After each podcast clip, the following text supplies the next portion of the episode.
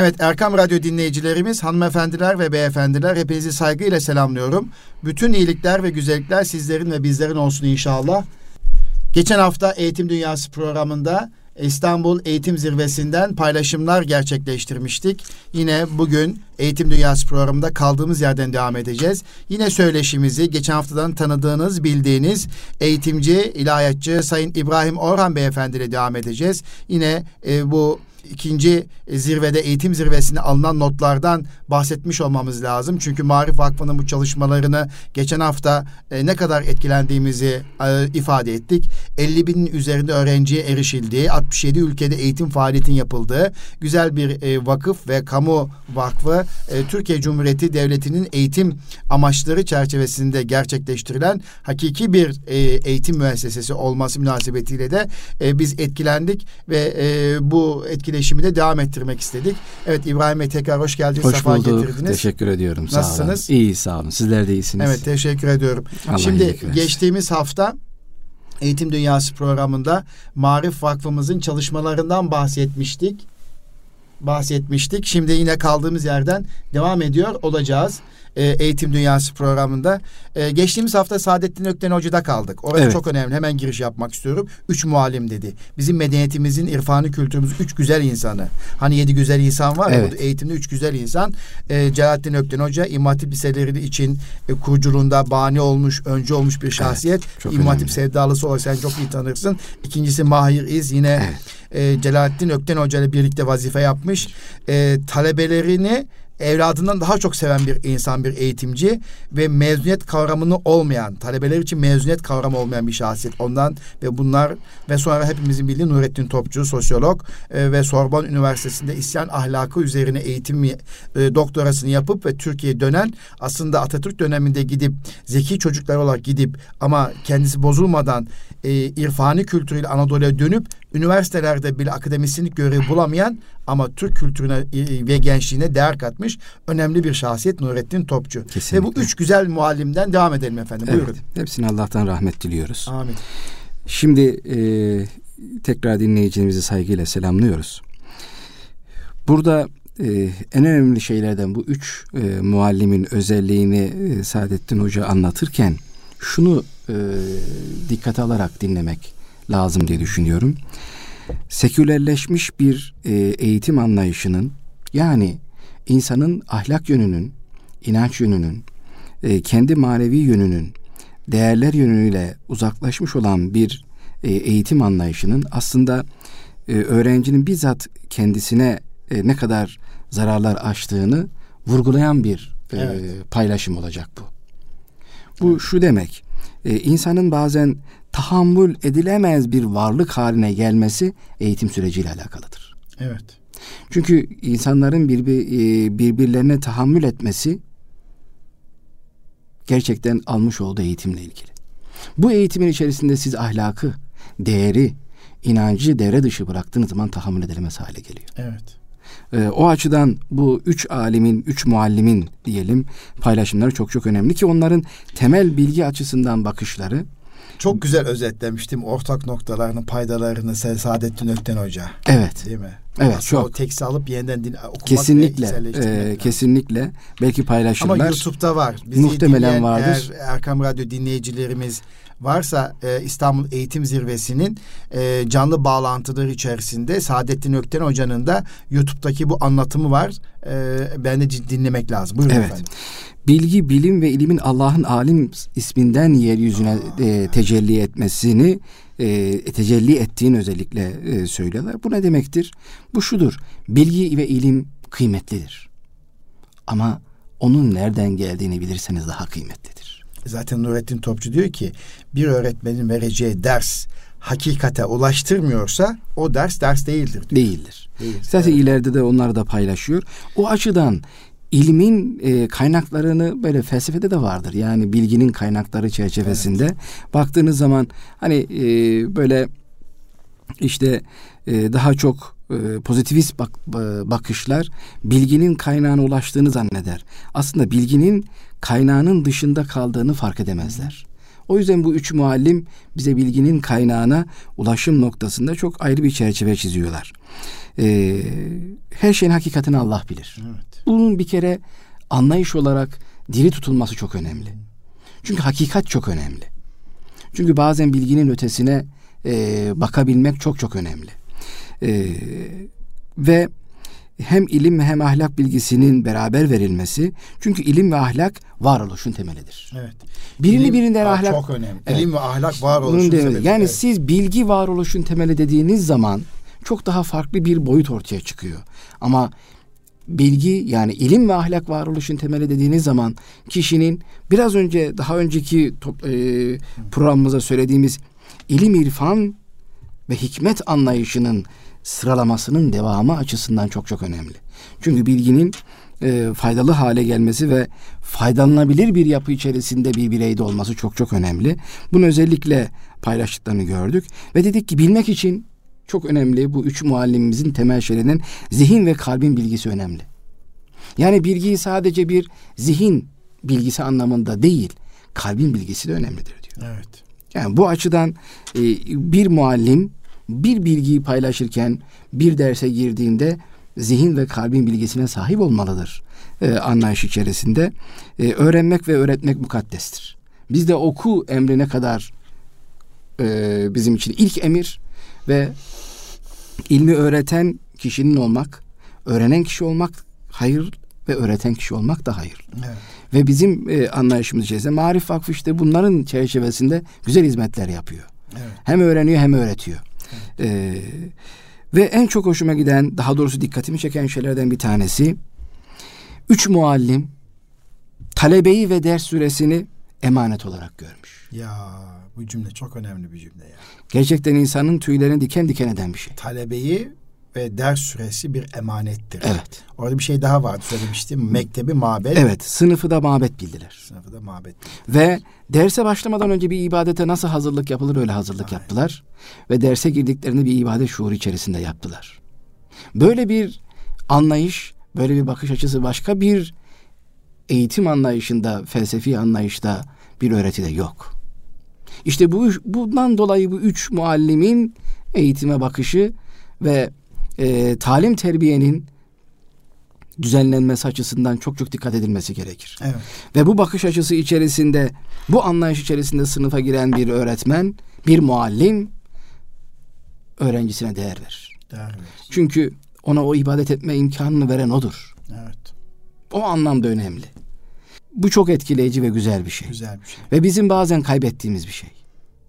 Gerçekten şu e, eğitim zirvesinde şurası bile tabii şu biraz önceki paylaştığımız bilgiler bile gerçekten çok çok önemli. Aslında bu üç muallim üzerine e, belki Saadettin Ökten Hoca şu mesajı da verdi bize. Ey eğitimciler bu üç muallimi anlamaya çalışın ve anlatmaya çalışın. Anlayın ve anlatın. Evet. Bence yani şurada biraz daha çalışıp e, öğretmenlerimize, evet, öğretmen paylaşır. camiasına evet. anlatmak lazım. Tabii İGEDER'in Mahir İz programları var. Nurettin Topçu programları var sıklıkla İGEDER'de bu konuda yetişmiş formatör arkadaşlar var. Mahiriz Hoca'yı ve e, Nurettin Topçu Hoca'yı anlatıyorlar. E, bizim İGEDER'in yönetim kurulu başkanı, yeni başkanımız Sayın İdris Topçuoğlu beyefendinin de Mahir İz'le ilgili çok güzel bir çalışması var. Hatta Saadettin Ökten Hoca Mahir İz ve Nurettin Topçu'dan bahsederken yanımda bir özel okuyucu bir başka arkadaş vardı. Şimdi de Eğitim Bir Senin Mehmet Akif İnan Akademisi'nin başında Mustafa e, Canı Temiz hocam sizden bahsediyor, sizin anlattıklarınızdan bahsediyor dedi. Ee, ben de e, ne zaman Mahir İz'le ilgili ve Nurettin Topçu ve Celalettin Ökten Hoca ile ilgili hatıralar okursam okuduğum zaman kendimi öğretmen saymıyorum zaten. Evet. Yani, Şurada bahsederken evet. bile görüşlerini evet, duygulandık. Evet, evet. Gerçekten. Ve e, çok önemli bir şey daha paylaştı bu üç muallimin evet. anlayışı içerisinde. Gerçekten çok çok önemli. Onların anlayışında kendi varlığında olan cevheri öğrenciyi arattılar. Oo, Ve süper bir şey. her bir öğrencide bir cevher olduğunu inandılar. Kendi varlığındaki cevheri öğrenciye evet. arattılar. Her bir öğrencide cevher olduğunu. Ve bu ne demektir? Evet. Keşfetmek. Bu keşfetmek işte. işte. O cevheri. Ve e, kaybedilecek bir öğrencinin olmadığını, her öğrencinin ayrı bir değerinin olduğunu ve ayrı bir özelliğinin olduğunu öğreten bu üç muallime gerçekten minnettarız. Bu bakış açısı çok önemli. Hani biz bazen modern ve çağdaş eğitim bakış açılarını e, önemsiyoruz ya. Bazen diyoruz ya hani inovatif eğitim anlayışı diyoruz ya. Şunları dinlediğimiz zaman biz önce kendi kendi kendi, kendi medeniyetimizdeki eğitim yaklaşımını o, çıkaralım. O yüksek değerlere sahip evet, olan eğitim yani. anlayışımızı şöyle bir öğrenelim. O zaman inovatif olan dediğimiz eğitim anlayışlarına aynen, geçelim. Aynen. Yani yeni İnovat- araçlar yapacağız derken kendi yeni yeni eğitim anlayışına baktığımız zaman seküler yapı daha fazla. Evet. Aynen. aynen. Ve öğretmene görev veriyoruz. Evet. Bu senin görevindir diyoruz. Ama öğretmen bu anlamda kendinde hissetmiş olduğu o sorumluluğu nereye getirip koyacak? Aylık almış olduğu maaşın karşılığından mı koyacak? Nereye koyacak? İşte burada bu üç muallim diyor ki senin bu üstlenmiş olduğun görev bir ibadet şuuru içerisinde bir uluhiyet, bir ilahi değeri var. Birisinden görev beklemeyeceksin. Sana bu görev Bunu unutursanız biraz önce UNESCO'nun yapmış olduğu tespit evet. içerisinde ne kadar çok maaş verirseniz verin veya daha farklı şeyler verseniz de öğretmenler yine mesleki teklere başlayabiliyor. Evet. İşte bu üç muallimin söylemiş olduğu şeyler öğretmenin öğretmen olarak ne kadar değerli olduğunu ortaya koyuyor. Ve diyor ki yine bu üç muallim en önemli şeylerden bir tanesi. İlim ve ahlaka muallim numune olmalı. Ne güzel bir ifade. Biz hep diyoruz ya öğretmenin rol model olması, öğretmenin örnek olması konusunu defaatle gündeme getiriyoruz. Ama işte o zamanlarda bu üç tane muallimimiz diyor ki öğretmen ilim ve ahlaka numune olmalı diyor. Sen örnek olursan en iyi öğrenme budur. Sen örnek olursan... O cümleyi yazmak lazım. Okulun evet. girişine şöyle yazacaksın. Evet. Öğretmen odur ki ahlak e, da ve ilimde model olma öyle miydi? Numune olmalı. Numune olmalı. Numune olmalı. Orada Mehmet Akif Ersoy'un şu cümlesi aklıma geldi. Muallim olmak gerektir. İman önce imanlı, edepli, sonra liyak, liyakatli ve sonra vicdanlı diyor. Evet. İmanlı, edepli, liyakatli ve vicdanlı. Evet. Ve bu ne bu üç muallimin söylemiş olduğu yine ortak e, eğitimsel bakışta çok güzel bir şey daha var. E, diyorlar ki üçü birden terbiye ve talim hayatında itidal durumu seçilmelidir. Aşırıya kaçmayacaksın. Aşırıya kaçmayacaksın. Öğrenci de, öğretmen de, veli de aşırıya kaçmayacak. Niye? Çünkü Allah bize vasat ümmet olmayı emrediyor. Çünkü itidal içerisinde mutedil olursan yani orta yolu tercih edersen gerçekten burada e, hem öğrencilerimiz hem de velilerimiz açısından çok önemli. Ve önem tabii ki bu üç tane muallimimizin diyor ki vasatın üzerinde diyor öğrenciler vardır. Evet. Onunla ilgili çok güzel tespitleri olmuş. Niye özel zihinlerdir bunlar? Mesela e, üstün zekalı çocuklar için kullandıkları ifade çok önemli. Bakın vasatın üzerinde Nasıl öğrenci. Evet. evet. Tamam, İfadeyi kullanmışlar. Özel zihinler demişler. Evet. Özel zihinler Allah tarafından verilmiş. Bu insanlara da bu çocuklara da özel fırsatlar sunulmalı. Ve bu vasatın üzerindeki öğrencilere üstad ve çevrelerle tanıştırın diyor. En önemli özellik budur diyor bakın. Yani o öğrencilerle, vasatın üzerindeki öğrencilerle üstadlarıyla o dönemdeki diyor bu anlamda önde giden insanlarla çevrelerle tanıştırmak evet. onları diyor en çok mutlu eden şeylerden bir tanesidir. Bilginin ötesinde bu tür kişilerle bir arada olmak. Onlarla birlikte bazı zamanları geçirmek bu vasatın üzerindeki Ama yani özel zihinli şey. özel şey, zihinli şey. evet kişiler için çocuklar için çok önemlidir diyor. Yani sadece devamlı bilgi evet. yüklemek değil. Buradan şu aklıma geldi. Sen de söyleyince okullarımızda bilgi değermen etkinliği veya e, bilgelik e, kavram içerisinde çok değişikli şahsiyetlerle tanıştırıyoruz ya. Evet. E, bazen atlıyoruz belki. Bunu çok sık yapmak lazım. Çünkü bu rol model çok önemli ya. Bu transfer edilebilir bir şey. Ve kolay öğrenmeyi sağlar. Gerçekten. Evet. Yani evet. bunu biraz daha artırmak lazım. Buradan da onu anlıyorum. Evet devam edelim. Buyurun. Evet. Bu bizim e, o ilk günkü şey programı bitirmiş olduk. Diğer e, konu başlığı evet. da Covid neslinin geleceği. Evet. Bununla ne olacak? ilgili gerçekten evet. herkesin merak ettiği bir soru. Ne kaybettiler? Geleceğe ne olacak? Ciddi bir araştırma konusu.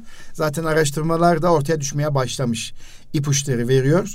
Ee, bence Türkiye'de bu konuda e, özellikle birinci sınıfa gidemeyen şu anda üçüncü sınıfta olan çocuklarla ilgili veya üçüncü sınıfı yarıda bırakıp dördüncü sınıfa tam devam edemeyen şu anda ortaokula geçmiş çocuklarla ilgili veya ortaokulda e, ön er, ergenlik döneminde birden eve kapanan çocuklar olup şimdi lise 1'e başlamış çocuklarla ilgili e, ciddi bir araştırma yapmalı. Bu çocuklar ne kaybettiler? Bu kaybettiklerimiz ne kadar telafi edebildik?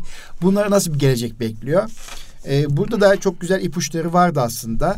E, gerek UNESCO'nun raporu olduğundan bahsetti. Evet. E, ben de sayfasına girdim UNESCO'ya ama o rapora henüz ulaşamadım. Dünya ne gibi araştırmalar yapıyor? Türkiye ne gibi araştırmalar yapıyor? Ee, güzel paylaşımlar vardı. Ee, tabii bu geleceğe hazırlarken de yine e, UNESCO'daki öğretmen yetiştirmeden sorumlu kişinin yaptığı açıklama e, öğretmenlere de ciddi sorumluluklar düşüyor. Bu çerçevede evet aldığınız notları duymak istiyorum. Evet, lütfen. Evet. Şöyle başlayalım. Ee, Covid döneminde okullar kapatıldı. Herkes eve geçti evet. evden e, ve altyapı güçlendirildi. Yani bir e, artısı şeylerden bir tanesi.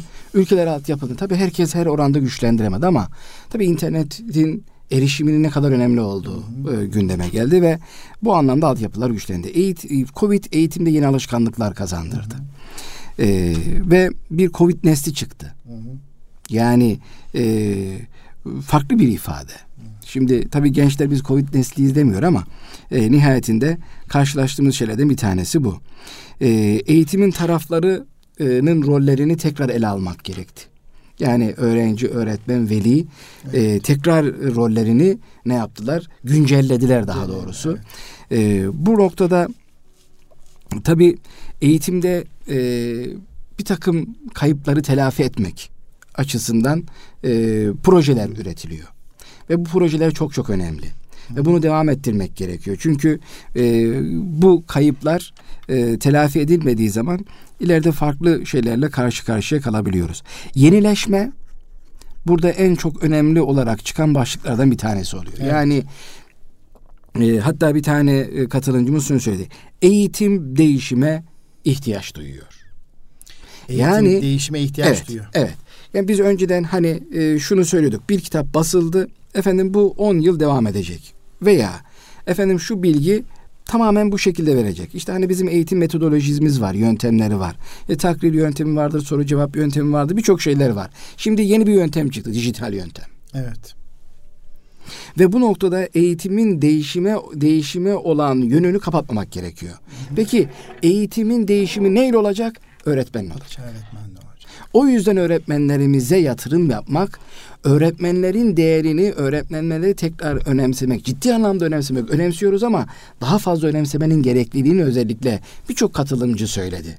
Alandaki uzman olan katılımcılar. Çünkü bu değişimi öğretmensiz yapamazsınız. Kesinlikle. O yüzden mihenk taşı o. Evet. En değerli şey. O yüzden bu değeri fark etmek gerekiyor. Her alanda yani öğretmeni desteklemek ve öğretmenin yolunu açmak, öğretmeni güçlendirmek, e, onun gelişimine, her türlü gelişimine katkı sağlamak açısından hükümetlerin, devletlerin politika üretmesi gerekiyor. E, bu bunun özellikle önemini vurguladılar ve diğer bir şey işbirlikçi eğitim.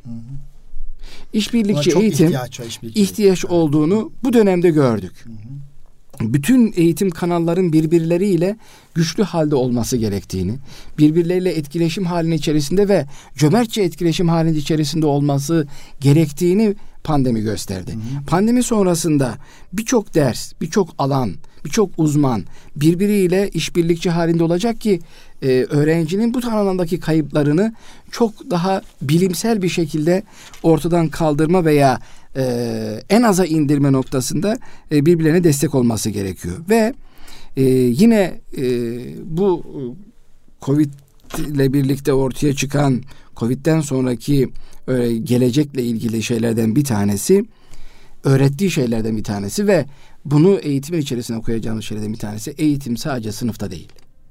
Evet. Eğitimin sınıfın dışına taşınması gerektiğini Covid öğretti ve Covid'den sonraki Bundan dönemde sonra daha fazla e, eğitimi dört duvarın dışında dışına taşımak alanda, gerektiğini işte bahçede, e, koridorda, işte müze alanlarında, doğada e, eğitim faaliyetlerini artırmak e, aslında biraz da eğitimi e, dijitalleştiği kadar bazen de kısırlaştırmak gerektiğiyle alakalı da bugünümüzde çalışmalar var. Evet buyurun. Ee, hatta ona geleceğiz, müfredat evet. konusuna geleceğiz. Ee, dijital ve otomasyona açık olmak gerektiğini çok çok önemsiyoruz burada dediler. Hı hı. E ki önemli gerçekten çünkü hani dedik ya bir fiziki dünya var bir sanal dünya var. Artık dünyamız iki hale geldi sanal dünya. Sanal dünyayı dikkate almadan yapılan bir eğitim faaliyeti veya planlaması kısır kaldığını gördük. O azdan otomasyon ve dijital dünyayı önüne gelmek gerekiyor ve gençlere e, özellikle keşif imkanı yapmak ve bir katılımcımız özellikle tekrar tekrar söyledi. Deney yap, keşfet. Evet. Hata yap, deney yap, keşfet. Hata yap, daha doğrusu deney yap, keşfet. Deney yap, keşfet. Eğer bunu yaparsak e, o yapılandırıcı eğitim yani yaşayarak öğrenmeyi güçlendirir isek biz Covid'den sonra çocuklarımızı daha farklı bir şekilde geleceğe hazırlarız. Çünkü deney yapıp keşfettiği zaman üreten bir beyne sahip olmaya başlıyor. Orada şöyle bir şey söyledi herhalde. Ben mi yanlış anladım veya çevirmenlikte bir hata yoksa e, aile büyüklerimiz, e, evimizin büyükleri aslında birçok deneyime sahiptir. Biz onlardan çok şey öğreniriz. Ancak bunun, bununla birlikte Covid nesli çocuklar aile büyüklerinden çok kendilerine deneme imkanı verdiğimiz şeylerden ve keşfettikten daha çabuk öğrenirler ve Kesin. onlar için daha uygundur gibi bir şeydi sanki oradaki. Evet. Anlatıldı. Öyle. Hatta yani sadece anne baba ve büyüklerin deneyimleriyle bu çocukların öğrenmelerini değil. bırakmamak lazım. Kesinlikle. Ya öğretmenin deneyimleriyle değil. Çocukların kendilerinin deneme imkanı işte. Deney yapsınlar, denesinler, keşfetsinler. Neyin olduğunu görsünler. Böyle bir şey eğitim çalışmasına geçmek lazım gibi bir şey Ben kesinlik, kesinlikle öyle. Hatta yapılan bir araştırmada e, şunu bah, e, bahsetti bir katılımcımız, uzmanımız. 10 yaşındaki öğrencilerin çocukların daha yaratıcı olduğunu, daha üretken evet. olduğunu. Hep öyle zaten. Keşfetmeye yani, tabii, ve tabii. daha doğrusu bu keşif esnasındaki e, paylaşımların daha etkili olduğunu söyledi. Zaten e, bir e, filozofun söylemiş olduğu bir şey var. Dünyanın en büyük filozof, filozofları çocuklardır. Çünkü onlarda engel yoktur der. Hmm. Yani sen uçmayı düşünmezken o uçmayı düşünür. Evet. Biz bazı engellerle düşünme mekanizmaları oluştururken o engelsiz düşünmeyi oluşur. O yüzden en büyük filozoflar çocuklardır derler. Buna katkı olarak söylemiş oldum. Biz e, dünya değişiyor, değişime açık olduğunu ve bunu e, deney yaparak e, öğrencilerin, çocukların kendilerini farklı bir şekilde ona hazırlaması gerektiğini e, özellikle bir katılımcımız e, söylemişti. Yani bilgiyi deneyimlemenin önemli olduğunu. Evet. Yani sadece okunan ve yazan konumunda değil, bizzat onu deneyimleyen, deneyimleyen bir e, kişi olması önemli. Hatta bir şeyi paylaşması çok onu hoşuma gitmişti bir uzmanımızın. Dedi ki bir tarih izmini ve mekanı ezberlemek önemli değil. Tarihçi gibi düşünmek önemli. Evet bir matematik işlemini çözmek değil, bir matematik gibi matematikçi gibi düşünmek önemli. Onu düşündüğümüz zaman, düşünmeyi öğrettiğimiz zaman çocuklara hmm. o zaman bu dersler daha farklı bir şekilde onlarda yansımasını göreceğiz evet. diye söyledi ki çok çok önemli olan e, paylaşımlardan bir tanesiydi. Ee, ve e, öğrenciyi tüketici değil geleceğin inşası eden büyük bir kaynak olarak görmek gerekir. Spot cümle olarak. Evet. Çok önemli öğrenci tüketen değil, geleceği inşa eden bir birey olarak görmek çok çok önemli. Eğer sadece tüketen olarak gördüğünüz zaman ona vermiş olduğunuz bilgiler de tüketici bilgiler olur. Dedi. Evet. Eğer onu siz geleceği inşa eden bir kaynak olarak görürseniz ona göre bilgi verirsiniz.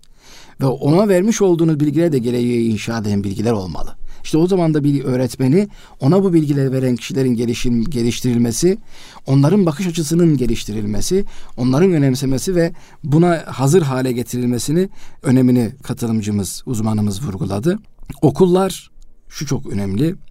İyi öğrencileri içeride tutalım anlayışından çıkıp tüm dünyayı daha doğrusu okullar iyi öğrencileri içeride tutalım, tüm dünyayı dışarıda tutalım anlayışına değil, öğrenci ile tüm dünyayı, dünya ile öğrenciyi buluşturma anlayışı içerisine girmeli, hmm. girmeli gerek, girmesi evet. gerekir diyor.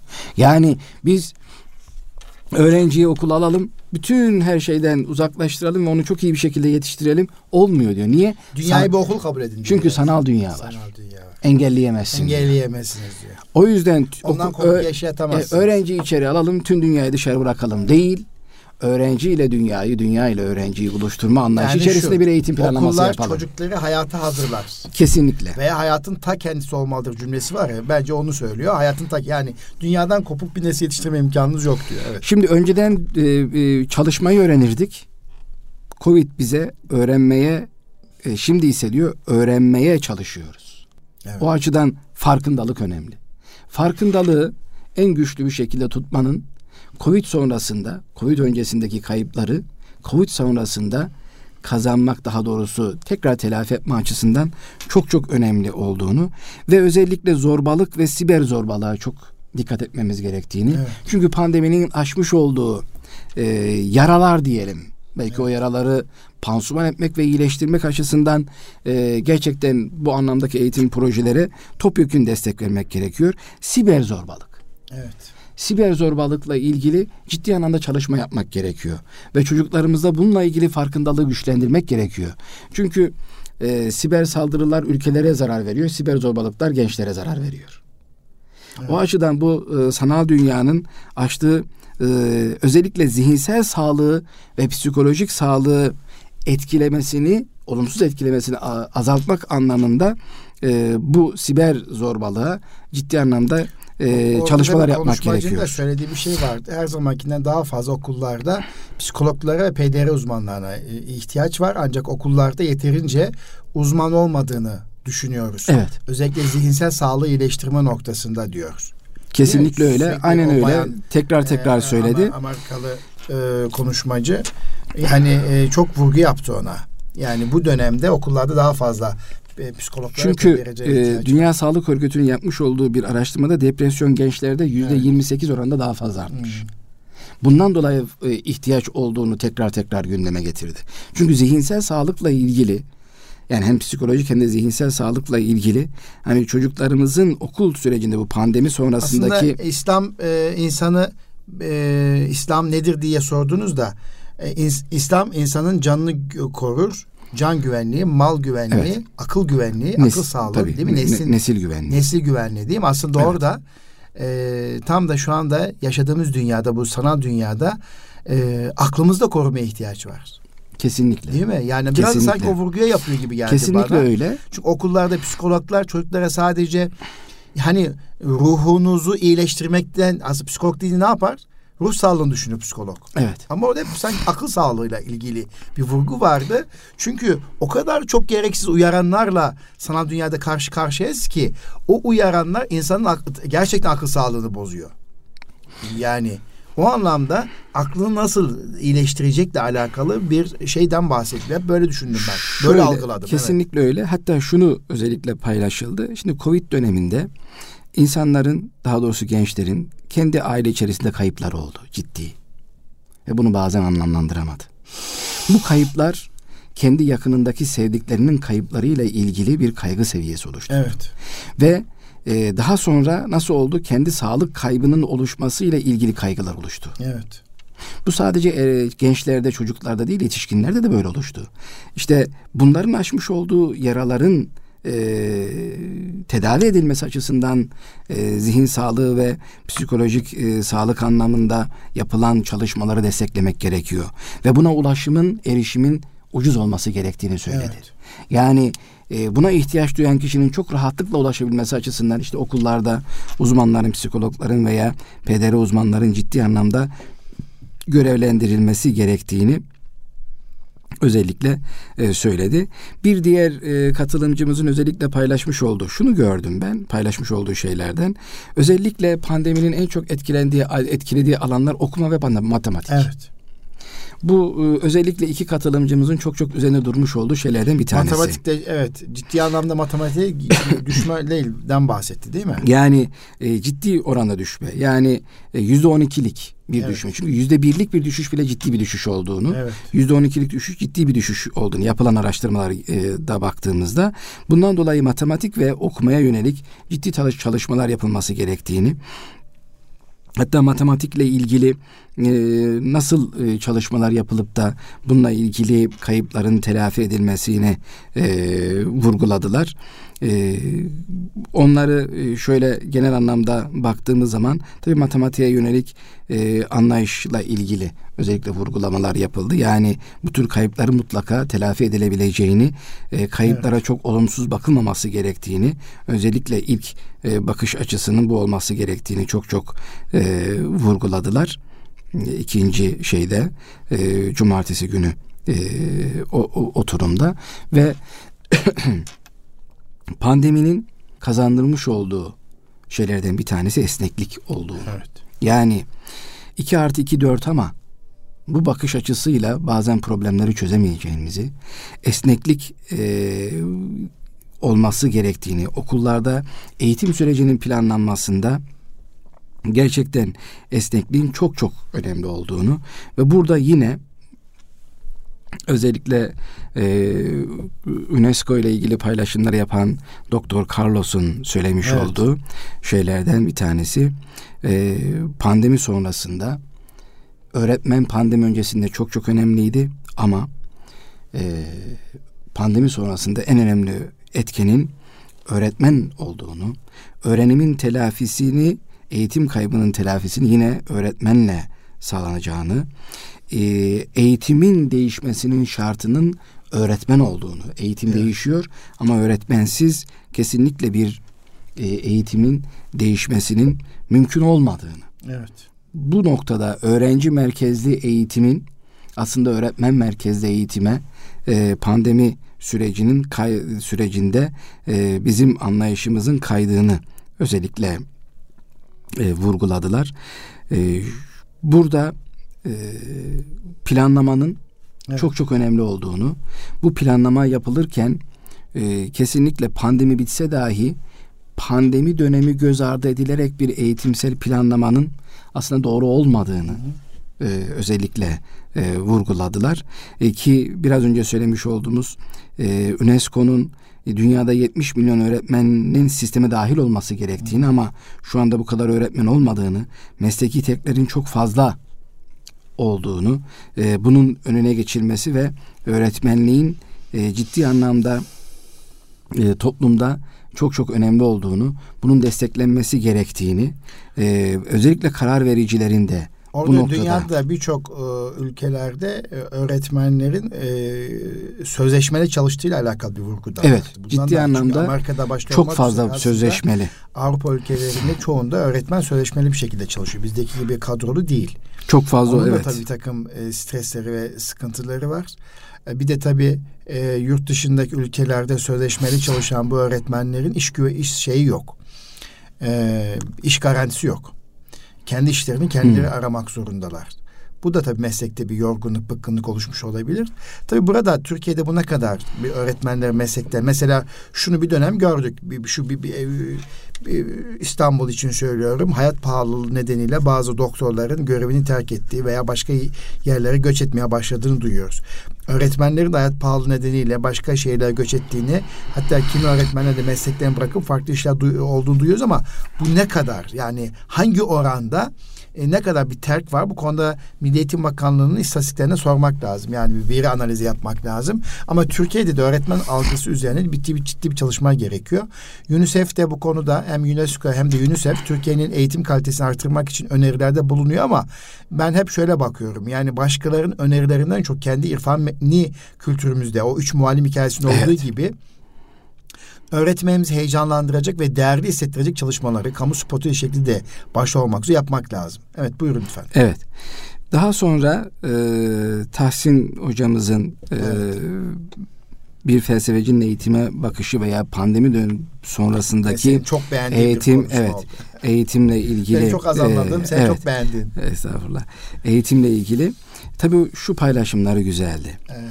E, eğitimin pandemi süreciyle birlikte yani bakarken pandemin öğrettikleriyle beraber bakmak gerekir diyor. Evet. Yani pandeminin bir takım kayıpları oldu ama öğrettikleri de oldu. Evet. Ki biz e, paylaşırken e, hep onlara paylaştık. Ve Tahsin e, Hoca'nın özellikle bir işte bir önceki günü dinleyip yani bir felsefecinin eğitimsel bakışı da önemli. Bir sonraki günü dinlediğim zaman şunu gördüm dedi. Ortak kaygılar ortak çözümler oluşturmuş. Bu nedir biliyor musunuz diyor. Bu ortak bilinç oluştuğunu gördük. Evet. Yani şu insanlık yani insanlar yaşamış olduğu zorluklarda baktığınız zaman bir ortak bilince ulaşabiliyor. Evet. Bu neyle ortaya çıkıyor? Çünkü e, Covid zengin ülkeleri de etkiledi. Fakir ülkeleri, üçüncü dünya ülkelerini de etkiledi. Evet. Hiç kimse ben şunu diyemedi benim çok param var ve çok sağlıklıyım. O yüzden kesinlikle bana pandemi ulaşamaz. Anlayışı olmadı. Herkes bir korku ve kaygı içerisinde oldu. Bazen baktığınızda çok zengin, kendini gelişmiş olan ülkelerin ne kadar mağduriyet içerisinde olduğunu gördük. Ne kadar zorluk içerisinde olduğunu gördük. Evet. Bir e, maske bile üretemeyip maske ihtiyacı içerisinde olduğunu gördük. Evet.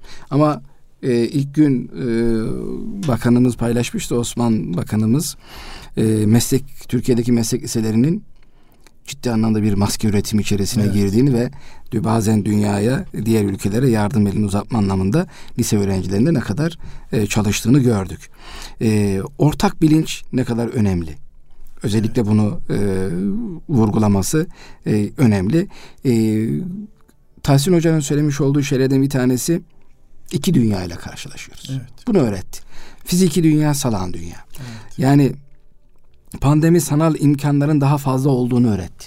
Bir bakıyorsunuz e, sanal dünyaya daha fazla alışıyorsunuz ve oyunun imkanlarının daha fazla faydalanıyorsunuz. Evet. Şimdi önceden hani burada zikretmekte şey yok. Zoom'u kimse bilmezdi. Bilmezdi. Ama şimdi Zoom üzerinden yapılmış olan eğitimlerde aa, yani ne kadar e, ihtiyaç duyulan şimdi bir şeymiş. O kadar çok sanal e, e, online çevrimiçi araçlara ulaş, tanıştı ki Zoom, Google Meet, ondan sonra Skype, Skype'i biliyorduk ama evet. şimdi daha iyi konumda. E, artık şimdi televizyon kanalları bile bir e, yorum alacağı zaman yorumcu stüdyoya getirmiyorlar. Skype ile ulaşıyorlar. Uzaktan yorumcu. Bugün de zaten evet, bir tane de zaten bazı katılımcılar, katılımcılar online, er, online evet, eriştiler. Çevrim içi katıldılar. E, hem müzakereleri dinlediler hem de çevrim içi katıldılar. E, dünya böyle. Evet. Çünkü yani şimdi bunu eğitim sistemine hızlı bir şekilde entegre etmek lazım. Onları da dinlerken işte okullarımızda e, değişik dünyanın e, herhangi bir yöresinde, internetin olduğu herhangi bir yöresinde bir eğitimci, bir hocayı sınıfa nasıl zor bir şey değil artık. Çocukları taşıyabilmek, bu çocukları oraya göndermek. Yani uzağa yakın e, etmek anlamına uzağa yakın geliyor. etmek anlamında. Evet, buyurun. Şimdi e, yine çok önemli paylaşımlardan bir tanesi dijital boyutun varlığını kabul ettik etmeden önce yazının dünyasında varken Şimdi yazılımın dünyasına geçtik. Evet o cümle çok ilginçti. Neden? Evet. Çünkü artık sanal dünya, dijital dünyayı yatsıyamıyorsunuz. Yani devre dışı bırakamıyorsunuz. Ne demektir? Yazının dünyasından yazılımın dünyasına bir geçiş. Daha önce yazının dünyasında yaşıyorduk. Şimdi ise yazılımın dünyasında yaşıyoruz değil mi? Yani evet herkes sadece eğitimciler değil, eğitimi planlayanlar değil, karar verici mevkilerde artık bunu önemsemeli. Hı hı. Yani e, her alanda bu bakış açısını yani devletler de artık fiziki dünya önemsediği gibi sanal dünya da önemsemeli. Niye bir bakıyorsunuz bir siber saldırı olduğu zaman artık yeni boyutta e, hem emniyetin hem e, güvenlik güçlerinin artık siber güvenlik denilen bir evet. güvenlik devreye giriyor. Evet. O açıdan o dünyada çok daha ayrı bir e, şey kazandırıyor. E, otorite kurma farklılaştırıldı. Yani e, yeni boyut oldu. Bu dünyada e, bir bakıyorsunuz dijital yani siber e, dünyada insanlarda otoriteyi farklılaştırıyor. E, o açıdan e, önemli olduğunu e, kesinlikle e, paylaştılar. Artık günümüzde yapay zekanın çok çok önemsenmesi gerektiğini, kendi eğitim sürecimiz içerisinde hani Metaverse diye şu anda ister istemez her türlü alanda e, siz Metaverse'ü e, ne yapıyorsunuz? Hem eğitim dünyasında hem diğer bakıyorsunuz e, işte bir bilginin e, ulaşımı açısından, bir ürünün satışı açısından, bir kişinin evet. kendi yapmış olduğu bir takım şeyleri duyurma açısından Metaverse'ü siz devreye sokmak durumundasınız. Evet. Yani sanal dünya, dijital dünya insanların da bazı e, ortamlara kendini hazırlayabilme açısından yeni alışkanlıklar kazandırması gerektiğini e, ortaya koyuyor. E, bu açıdan hani e, eğitim merkezine no det yerine know-how konmalıdır. Know-how, yani evet. know-how hadisesi e, devreye giriyor. Yani biz artık e, bilgileri yani öğrencilerimiz de öğretmenlerimiz de artık bir bilgiyi sadece bir bilgi anlamında değil daha farklı boyut içerisinde bir e, eğitim metodolojisi geliştirmesi gerektiğini bu e, eğitim zirvesinde e, ele alıyoruz. Çünkü artık eğitime bir ekosistemle bakmamız gerektiğini. O çok önemli. Çünkü şey. bu evet. e, niçin? Çünkü eğitim sadece bizim derdimiz değil. Evet. Eğitim bütün dünyanın derdi. Evet. Çünkü eğitmediğiniz insan bütün dünyaya dert olabilir. Hı hı. O başlı başına bir dert olur. O açıdan eğitim artık bir ekosistem içerisinde bakmamız gerektiğini hatta ve hatta biz bazen bir eğitim planlaması içerisinde yaparken nasıl yapıyoruz? Hani siyah ve beyaz anlayışı içerisinden e, bakış açısından çıkıp önemli daha önemli az önemli. Evet. Yani az önemli, daha önemli, en önemli. Az zararlı, daha zararlı, en zararlı. O yüzden bu skalayı devreye sokmak gerekiyor. Niçin? Evet. Çünkü bu yeni alışkanlıklar, fiziki ve sanal dünya insanlarda artık bazı şeyleri hani bunu yaparsın veya yapamazsından ziyade bazen az yaparsın, bazen evet. daha fazla yaparsın. O açıdan bir takım şeyleri az kazanım da önemli olduğunu Evet. Yani tam kazanım olmazsa hiçbir şey olmazdan eğitim anlayışını çıkartıp bir takım şeylere az kazanım içerisinde olduğu da önemlidir. Evet. Ee, bakış açısı gerçekten evet, e, önemli. Bey, gerçekten e, çok uzun uzun güzel notları almışsınız. Ee, Erkam Radyo dinleyicilerimize çok keyifli dinlediğine inanıyorum. Evet. Ee, ancak süremizde yine son birkaç dakika evet. içerisinde özetlememiz lazım. Ee, öncelikle ağzınıza yüreğinize sağlık. Varsa birkaç cümleyle özetleyelim. Ee, sonra biliyorsunuz bu e, zirveye İstanbul Eğitim Zirvesi'ne sizinle birlikte okullarımızın e, okul yöneticileri Kayseri'den geldiniz ve katıldınız. Evet. Onlar da notlarını gönderdiler. Ben öncelikle e, Genel Müdür Yardımcımız Sayın Kadir Alper Bey'e, e, lise kampüsümüzün yöneticisi Sayın Göksel Orhan Bey'e, e, yine ortaokul kampüsümüzün yöneticisi Sayın Naci Bayat Bey'e ve ilkokul kampüsümüzün yöneticisi Sayın Aydın Kızılkaya Bey'e ve İstanbul kampüsümüzün yöneticisi Sayın Betullah Eren Beyefendi başta olmak üzere size hepinize teşekkür ediyorum. Ben teşekkür ederim. Ee, bugün e, kıymetli Erkam Radyo dinleyicilerimiz, hanımefendiler, beyefendiler geçen hafta ve bugün e, Eğitim Dünyası programında Marif Vakfı tarafından gerçekleştirilen ikincisi organize edilen İstanbul Eğitim Zirvesi'ndeki e, zirvesinden aldığımız notları heyecanla bir şekilde paylaştık e, önce kendimiz için, kendi okullarımız için, kendi e, İGEDER camiası için e, ve e, Türk milleti için fayda olmasını diliyoruz. E, bizi dinleyen e, hem anneler, babalar hem de eğitim dünyasının şerefli e, üyeleri, kıymetli eğitimcilerimize faydalı olması niyaz, niyazıyla e, anlattık. Ancak İstanbul Eğitim Zirvesi sayfasında konuşmacılarla ilgili de, kısa kısa özetler var. Twitter'da onların söylediği çok güzel sözler var. E, yine özel yetenekli çocuklarla ilgili Uğur Sak Hoca'nın yönettiği oturumda da özel yetenekli çocuklar biliyorsunuz TEKDE'nin özel ilgi alanıdır. E, Bilim Sanat Merkezi'ne devam eden ve Teknofest Gençliği diye adını verdiğimiz bu gençliği önemsiyoruz. E, topluma değer katan, topluma e, katma değer sunan gençliği yetiştirme bakımından e, Türkiye Üstün Zekalı ve Daha Çocuklar Eğitim Vakfı'nda e, kuruculuğunu e, yönetim kurulu başkanımızın yaptığını biliyorsunuz. E, ve ben Deniz'de o vakıfta e, gayret gösteriyorum. E, bu Uğur Hoca'nın e, yönettiği oturumda da bu çocukların e, özellikle pandemi döneminde nasıl mağdur olduğu ile ilgili konuşmaların e, ana teması buydu. E, bu çocuklar kendi kendilerine kaynak temin etmek zorunda kaldılar bazı ülkelerde ama ülkemizde de e, bu çocukların özel eğitim çocuklarının pandemi döneminde eğitim ihtiyaçlarını karşılamak için materyaller üretildi, dijital portaller oluşturuldu bu konuda e, müzakereler vardı. E, ben e, bu e, vakfın da Marif Vakfı'nın da özel yetenekli çocuklarla ilgili ülkelerindeki yani hizmet verdiği 67 ülkedeki e, üstün yetenekli çocuklarla ilgili özel çalışma yaptığını biliyorum.